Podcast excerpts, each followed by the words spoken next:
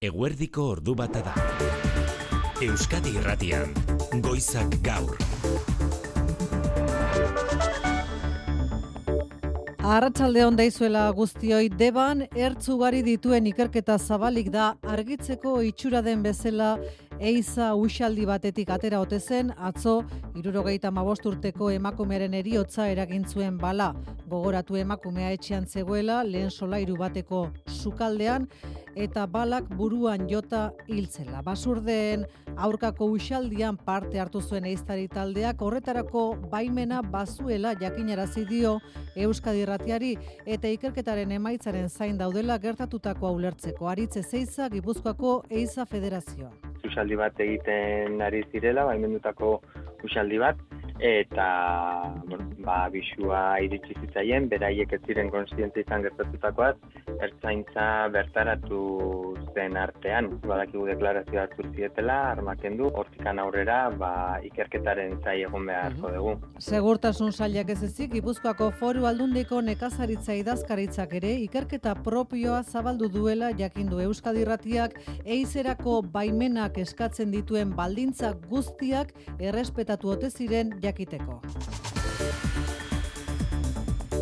Gure mikrofonoak gaur deban ez ezik gernikan ere badaude, duela hogei urte amair urteko neska gazte bati sexu gehiagikeriak egin zizkiolakoan, ikerketapean dute dakizuenez Mario López gernika lointekeko entrenatzaile hoia.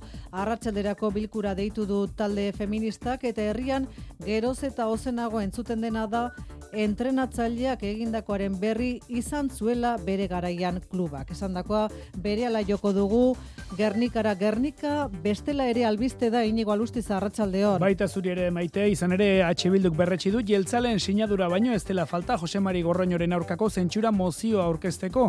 Euskadi Erratiko Faktorian izan dugu Jose Ramon Bilbao Buli EH Bilduren bozera mailea puntu guztiak itxita daude, hitz egin dugu ekargu banaketaz, proiektu garrantzituetaz, eta hitz egin dugu desadostasunak lantzeko protokoloak, guk uste dugu hori, bere horretan, komarik aldatu gabe sinatzeko moduan daukagula. Iruñan, bien bitarten udal gobernua lehen bailen osatzeko negoziazio betean jarraitzen dute EH Bildukero abaik eta zurekin Nafarroak. Madrilen bitartean sinatu berri dute Loiolako kuartelen salerosketa Espainiako Defentsa Ministerioak eta Donostiako udala. Eneko goi alkateak berak sinatu du agiria sinadura historikoa esan berri duenez. Aurreman egun pauso hau Donostierako historikoa dan pauso bata. Eta orain gogoratzen ez, ba, arresiak bota zireneko negoziazio haiek, edo urgul mendia erosi izan garaiko negoziazio horiek, guzti horiek ba, gaur ezagutzen dugun iria egitea posible egin dute, eta gaurkoak ba, posible egingo du etorkizuneko iria eraikitzen jarraitzea, ez? Irurogeita amairu milioi euroan itxi dute aldeek salerosketa eta lau urteko epean militarrek eremu uzten dutenean mila eta bosteon, mila eta zazpioen etxe bizitza erekiko dituzte loiolako auzoan.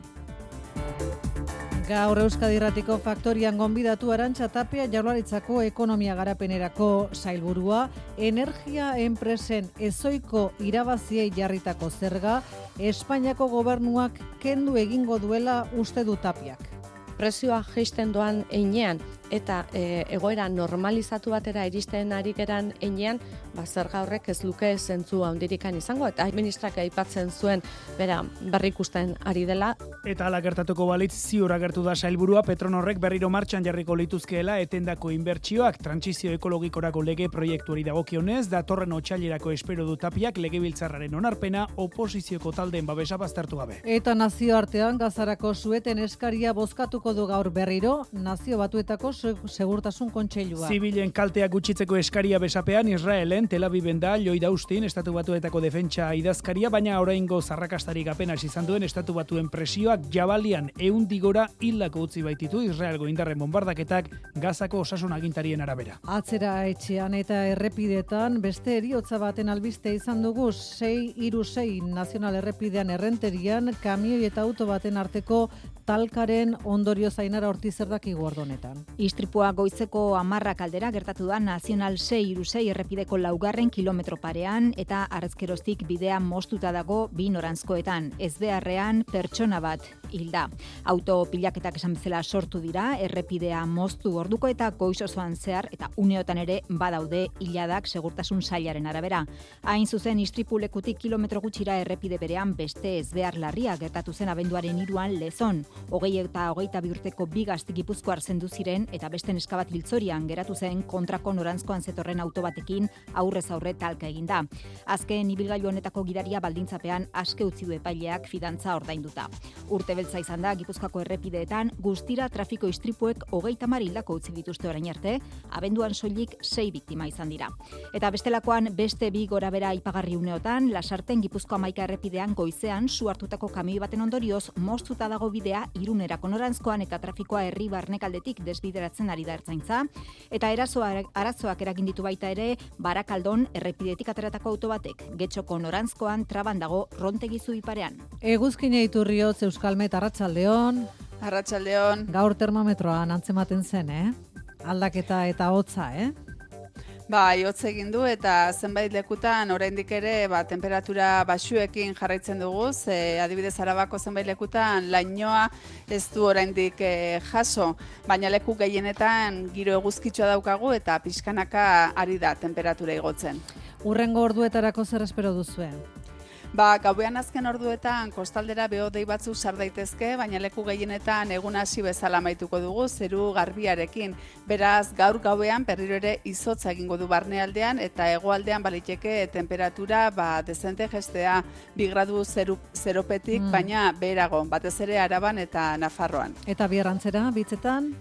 Bai, eguna gaur bezala hasiko dugu girotzarekin, izotzarekin eta lainogunekin, baina arratsaldean aldaketak datoz fronte bat hurbilduko da eta lainotzera egingo du. Konforme eguzkine bihar arte, Bihar arte. ordu bat aterdietan kirol legez, Jose Maria Paolaza, Arratsaldeon. Arratsaldeon, Maite. Paris Saint-Germain egokitu zaio realari. Hori izango du aurkari realak txapeldunen ligako azken zortzirenetan. Aipatu behar da duela dozena bat urte Katarko diruarekin era bat itxuratu zela taldeo. Paris Saint-Germain beti izan da Frantziako eta bereziki Parisko eliteen taldea Sarkozy eta horrelakoak eh, jarraitzaileen artean ditu. Lehen da biziko fasea gainditzeko arazoak izan ditu Paris Saint-Germainek, baina bertan dago Mbappé. Eta ura buru dela etorreko da Donostiara itzuliko partida jokatzera martxoan. Aurretik Parisko Printzen parkean jokatu beharko du realak. Eta gainerako nauetxek dira kanporaketak, Porto Arsenal, Napoli Barça, Inter Atletico Madrid, Copenhague City, PSV Dortmund eta Leipzig Real Madrid. Baina aurretik baditugu lanak esate baterako gaur bederatzietan alabesek moda modan dagoen Gironaren zelaian jokatuko du eta Euskadi Irratiak eman egingo du gainera partida. Ordu biterdietan kultur lehioan, Saharako herriari elkartasuna dirazteko astea izango dute Euskal Kantariek Manu sortu. Kaixo maite, Saharari kantari musikaren bidez Saharako herriari laguntza emateko modua izango da. Izen ezagunak bildu dira. Inaute Lorri eta Mikel Urdangarin, Jon Maia, Oreka Teixa eta beste hainbat. Diskoa grabatu dute denen artean eta ostiralean zuzeneko kontzertua Donostiako kursalen. Kontzertuaren eta diskoaren bidez jasotako dirua Saharako ondare historikoa eta kulturala babesteko bideratuko dute. Kristina Berasain kazetaria dabil antolaketan. Azken batean kulturatik egiten ari garen keinu bada eta iruditzen zitzaigun ba Saharako kultura babestera bideratu hartzela diru hori eta horretarako Euskal Fondoa da Saharako Errepublika Arabiar Demokratikoaren artean hitzarmen bat sinatuko da hor eh, egin beharreko proiektuak aurrera ateratzeko. Ostiralean beraz, Sahararen aldeko kontzertua Donostiako kursalen. Eta gainera, e, kursalak maite gaur jakinarazi du datorren urtean atzerriko zen musikari etorriko diren Donostiara. Bi izen pop musikan Belan Sebastian talde eskoziarra. Eta klasikoan munduko orkestra zuzendari handienetako bat Berlingo orkestra filarmonikoaren zuzendari titularra Kiril Petrenko etorriko da. Kaso honetan, Gustav Mahler gazte orkestra zuzentzera maite. Apuntatuta ordu bata eta bederatzi minutu dira Mikel Retegi eta Xabi Gailastegi teknikan eta errealizazioan. Euskadi Irratian. Goizak gaur. Maite Artola. Gernikan bilera ugari eta protesta eguna gaur herria astindu duen sexu eraso salaketaren ostean. Gogoratu Mario López hamarkadatan lointek taldeko entrenatzaile izandakoak hiru urtez hamairu urteko neska gazte bati sexu erasoak egin zizkiolakoan ikerketapean dagoela gaur egun adinez heldua den emakume honek egindako salaketaren arabera. Gernikako sare feministak dio 2022ko udan neskaren salaketaren berri izan ostean jarri zirela harramanetan klubarekin eta lointek taldeak estali egin duela kasua. Hori da Gernikako kaleetan gaur gure mikrofonoek jaso duten salaketa. Iluntzerako protesta deituta du mugimendu feministak Gernikan da maitan ezubijana aurrera maitan erratsaldeon. Arratxaldeon bai izan ere arrabotsa eragindu herrian Mario Lópezek duela egun gutxir arte, lointe Gernika saskibaloi taldeko kirol zuzendari izan denak duela hogeita bost urte adin txikiko bati egin zizkion sexu erasoen salaketa kaserre herritarrak klubarekin, izan ere Lópezek klubean ardura postuan jarraitu du pasaden aster arte eta ez du kaleratu Espainiako Federazioak ala agindu arte. Arrazoituz orain arte etzuela honen berri salaketa iazko ekainan jarri zuen emakumeak eta Espainiako Federazioak dio duela hilabete terdi izan zuela salaketaren berri. Herrian askok gezurretan aritzea leporatu diote klubari. Oso lotzagarri eta pena handiz emoten duen gauza bataz, e, holako gentik ez dekegon bier holako postutan. Hombre, es de casualidad que se puso malo en el año pasado en julio cuando justo las chicas estas sacaron eh, el tema a relucir. Dana tape dugu, ukide bela barririk, bai. Neko gorra da eta okinbiko dago ba, bueno, zerbait kluben aldetik eta bueno, ba, aldetik bai, ez da. Sare feministak hildo bereti dio udan izan zutela honen berri eta klubari beharrezko neurriak hartzeko eskatuarren honek etzuela esku hartu. Esan dugu gaur arratsaldeko zazpietarako protesta bilkura deitu dutela. Aurrez arratsaldeko lauetarako deitu du protesta bilkura Allende Salazar eskorako zuzendaritzak eta guraso elkarteak biktima eskola horretako ikasle zen eta saskibaloi entrenatzaile zuela egin zion ustez Lopezek lehen erasoa. Lointek Gernikako zuzendaritzak ezoiko batzarra egingo du arratsaldean seietatik aurrera egoera aztertzeko eta bien bitartean Gernikako EH Bilduko EH Bilduk bozera malen batzordearen e, presazko bilera eskatu du ala jakinarazi digu Jose Ramon Bilbao EH Bilduko zinegotziak. Udaletxetik ere saiatuko gara zerbait bideratzen eta e, bozera mailen batzordearen e, urgentziazko bilera eskatu dugu gai hau e, lehenbailen tratatzeko eta udalak ere ba, bere posizioa marka dezan. Oraingoz baina ez dute udalaren aldetik erantzunik jaso udalean galdera eginda diote egoera aztertzen ari direla eta eurek asteburuan izan dutela honen berri xehetasun gehiago eman gabe. Deban oso bestelako gertakariagatik baina herriak sinetxi ezinik jarraitzen du Saturninari gertatutakoa 75 urteko emakumearen eriotza eragin zuen atzokoak. Itxura, zeiza usaldi batean, zebilen talde batetik egindako tiro batek buruan jota hiltzen Saturnina bere etxean zela lehen solairuan. Etxeren eh, inguruan ertzainek eta basozainek eh, ikerketa egin dute, ikerketa egiten jarraitzen dute. Ertzantzak bezala, Gipuzkoako aldundiak ere ikerketa zabalik du usaldiak neurriak berbezela bete ote zituen argitzeko. Debako udal gobernua ere une honetan elkartuta dago, deban udaletxe atarian da jokin aierregara igure lankidea, arratsaldeon jokin. Arratxaldeon, bilera aurretik udaletxeko atarian bertan topatu dugu alazne txurruka debako alkatea ikerketa abian dela azalduta ez du bestelako adierazpenik egin. Antza debako kuarteletxe zarraren inguruan den ozioko basoan egiten ari ziren usaldi bateko balagaldu batek eragindu ez beharra. Un honetan, kuarteletxeko eta inguruetako polizia lerroan ditzen ari da ikerketa lanetan ari den ertzaintzak basoan bertan miak eta lanak egiten hasi berri baitira. Gipuzkoako foru aldundia jakin duenez, eurak ere ikerketa abiatu dute usaldi egiteko beharrezko neurriak bete direla ziurtatzeko. Segurtasun neurrien inguruan, eiza legeak segurtasun distantzia batzuk finkatzen dituela adierazi dugu aritze zeiza Gipuzkoako eiza federazioko koordinatzaileak ba, distantzia desberdinak ditugu elementuaren arabera, ba, adibidez e, irigune, landagune, ekazaritza turismoko etxeak, eta barrek horiek adibidez e, berreun metrotara. E, gero e, bidegorriak eta bide berdeak ditugu, herriudak eta bar, ba, horiek e, berroita mar metro, hogei metro inguru horretan. Kontuan hartzeko da federazioko arduradunak azaldu duenez rifle batek 600 metrorainoko irismena izan dezakela. Ordu bata eta amalau minutu dira. Espainiako gobernuak energia enpresen ezoiko irabaziei jarritako zerga kendu egingo duen itxaropena azaldu du gaur Euskadiratian arantxa tapia ekonomia garapen eta ingurumen sailburuak. Tapiak defendatu du zerga hori ezoiko egoeran sortu zela eta orain atzera egiteko unea iritsi dela. Hori eginez gero, Petronorrek gurean etendako inbersioak berriz ere abian jarriko lirateken uste agertu du sailburuak igotzalkorta. Gaur egun energia prezioak ez daude duela urtebeteko mailan eta ez du zentzurik zergari usteak arantxa tapia sailburuaren esanetan prezioa jeisten doan einean eta e, egoera normalizatu batera iristen ari geran einean, ba zerga horrek ez luke zentzu handirikan izango eta ikusten dugunez Europa berak ere hori esaten digu eta inguruko herriak e, hori aztertzen dute. Beraz, nik uste e, Espainiatikan eta Teresa Rivera ministrari entzun dio danez, e, gauza bera kontsideratzen ari da.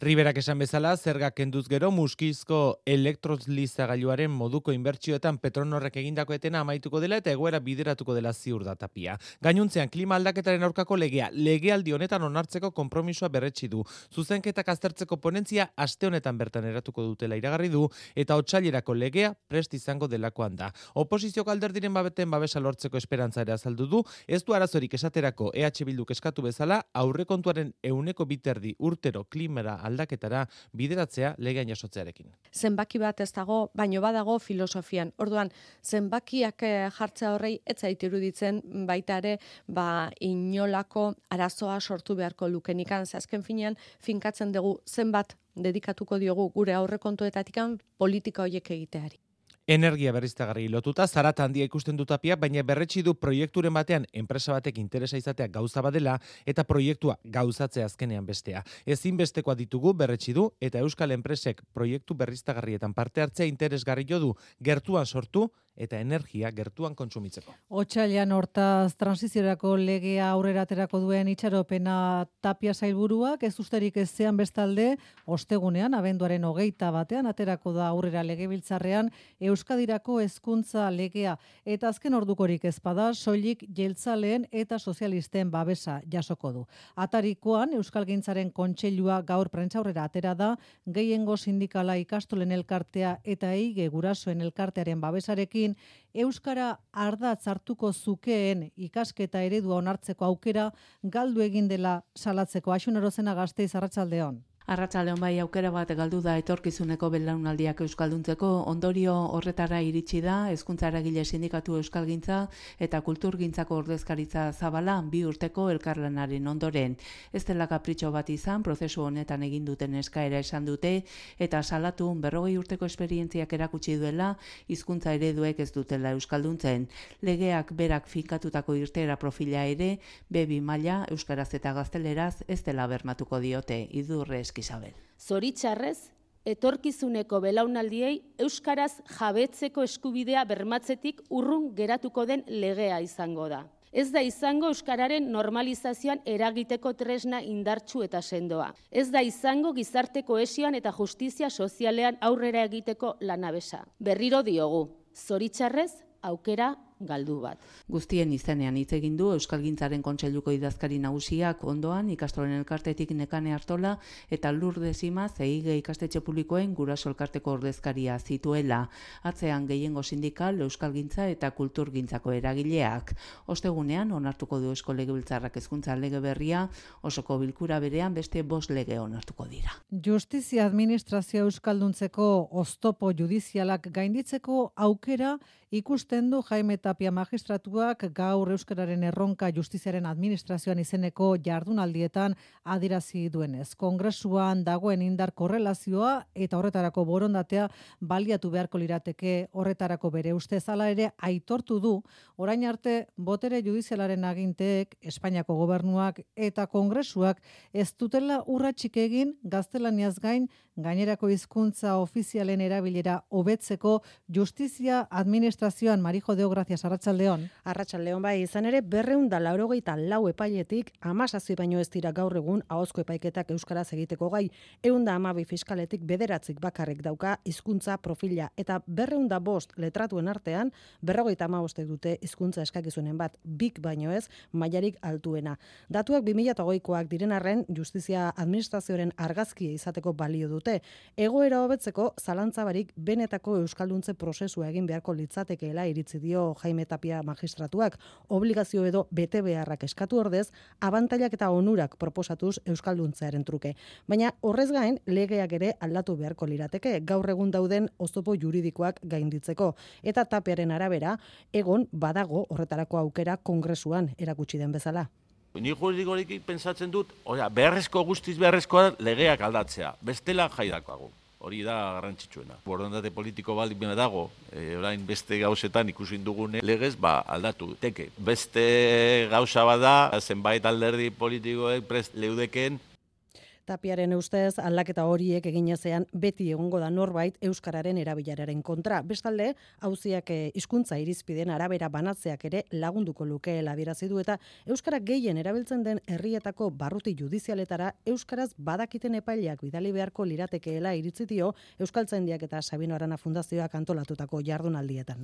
Ordu bata eta hogei minutu dira, jo dezagun iruñara, Kristina Ibarro laupeneko alkateren aurkako zentsura mozioa babesten duten talde politiko politikoak buru belarriari dira. Lanean udalbatzaren osaketaz eta programaz akordioa lehen bailen isteko bihar baino hobe gaur espirituarekin. Joseba Asironen udal gobernua kanpotik babestuko luke pesenek dakizuenez. Kristina Ibarro laupeneko alkateak gaur berrez atera da prentxaurrera salatzeko gutxi, proiektu gutxi aterako dituela aurrera Asironen gobernuak euskera eta memoria historikoa beste lehentasunik ez baitu. Bere arabera patxirigoien iruña arratsaldeon. Arratxaldeon, atzoko iruñeko udaletxeko plazako elkarretaratzea rakastatxua izan zela adierazi du Ibarrolak eta horren e, izpide ere jarri dute gaur iruñeako Nafarroako parlamentuan izan ere esparzak ez du tonua jeitsi eta berriro ere gogor egin du sozialisten eta EH Bilduren aurka. Lotxagarria da espartzaren iritziz UPNren gisako alderdi demokratiko bateko alkatea kentzea eta EH Bilduren gisako alderdi esan du fasista bati ematea sozialistek iruña saldu dutela berretsi du espartzak.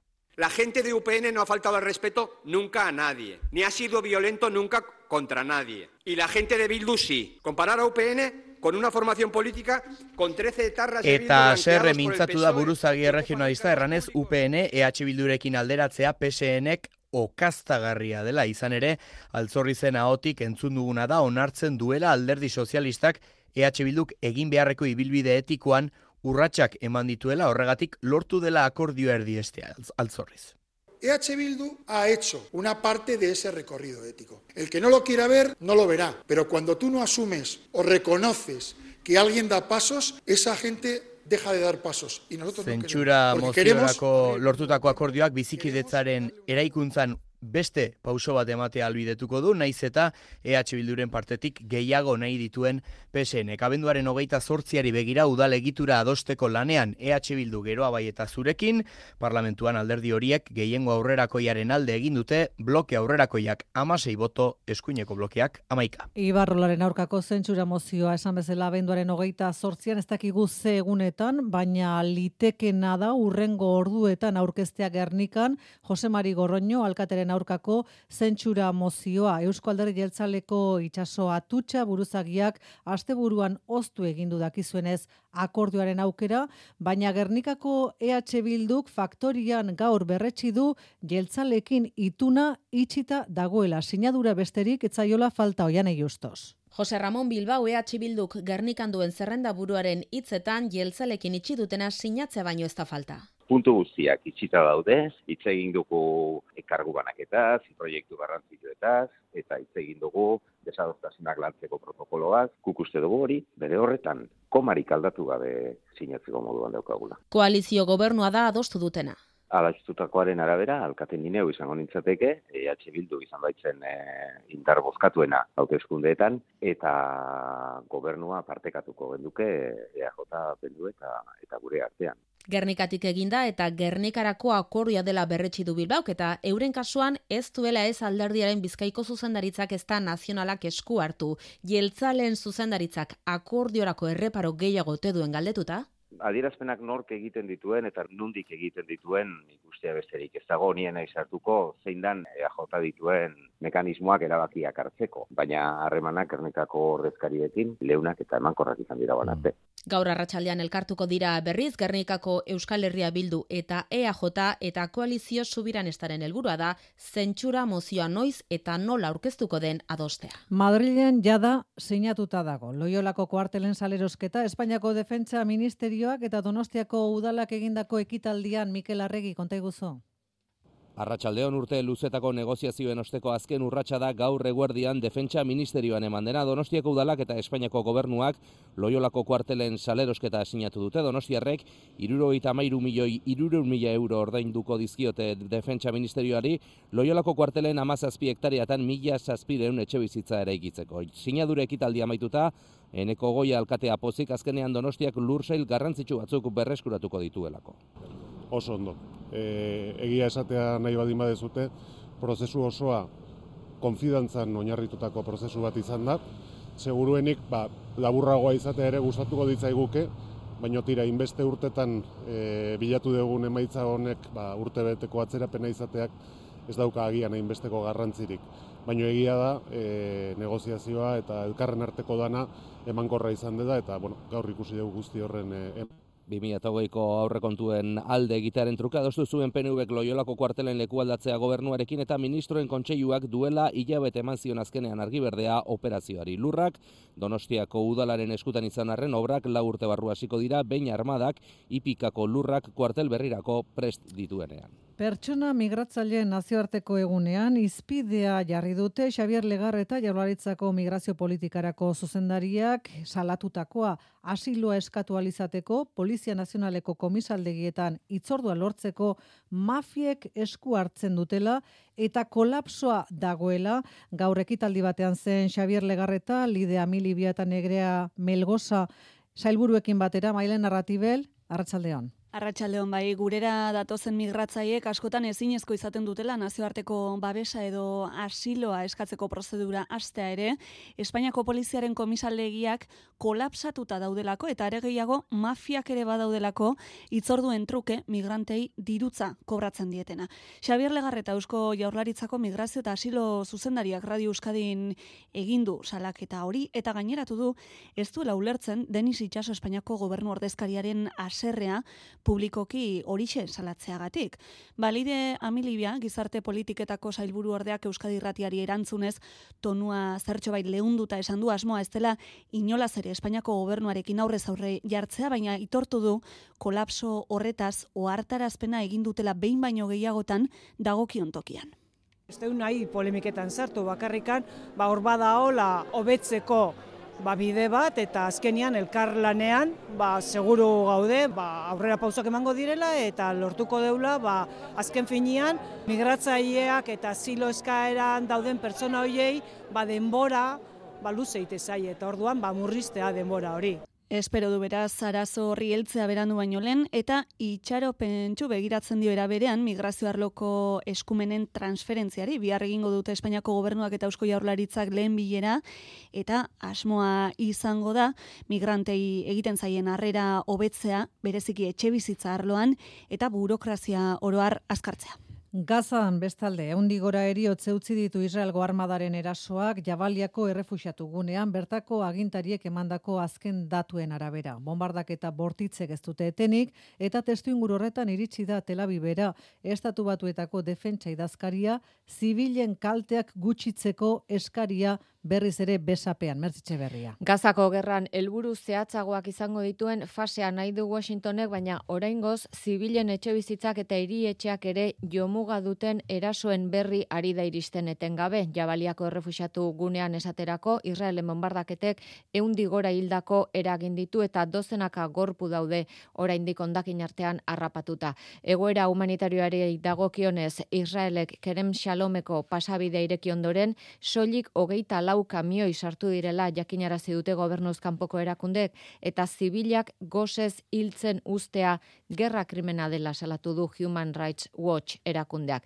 Azken orduotan bestetik titularrak erakarri dituen irudia izan da Israelgo armadak zabaldutako jamasen lurrazpiko tunelarena, topatu duten tunelik handiena armadaren esanetan, erezko pasabidetik laureun metrora zegoen eta lau kilometroko luzera zuen armadaren arabera. Urriaren zazpiko erasorako baliatu zuen jamasek, bada gaur jamasek aurkikuntzari garrantziak enduz esan du. Baietz, erabili zutela tunel hori urriaren zazpian, baina dagoeneko zerbitzuz kanpo zegoela. Bere ala eguneratuko dugu errepiden inguruko informazioa, baina kontatu nahi dizuegu arabako aldundiak datorren urterako, deskontu sistema berria iragarri duela herrien arteko alaba buseko lineetan, eta eskualde mailako garraioan hilean berrogeita maika bidaia baino gehiago egiten dituzten bidaiari entzat, euneko berrogeita amaseir arteko obaria, zurin etxe berri arratsaldeon. Bai, datorren urtean garraio publikoaren estatuko bonifikazio orokortua bukatzera doala eta neurri iraunkorrak hartzeko unela unea dela adierazi du Jon Nogales mugikortasun jasangarrirako foru diputatuak. Bai garraio publikoaren erabilera bultzatzeko, bai familien ekonomia babesteko, baita CO2 emisioak murrizteko.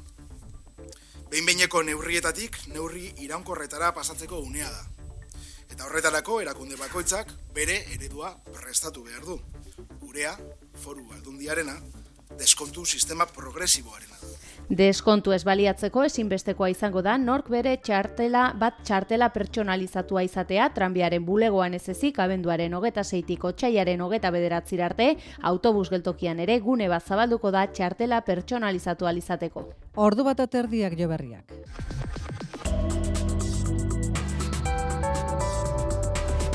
Euskadi irratian, eguraldia eta trafikoa.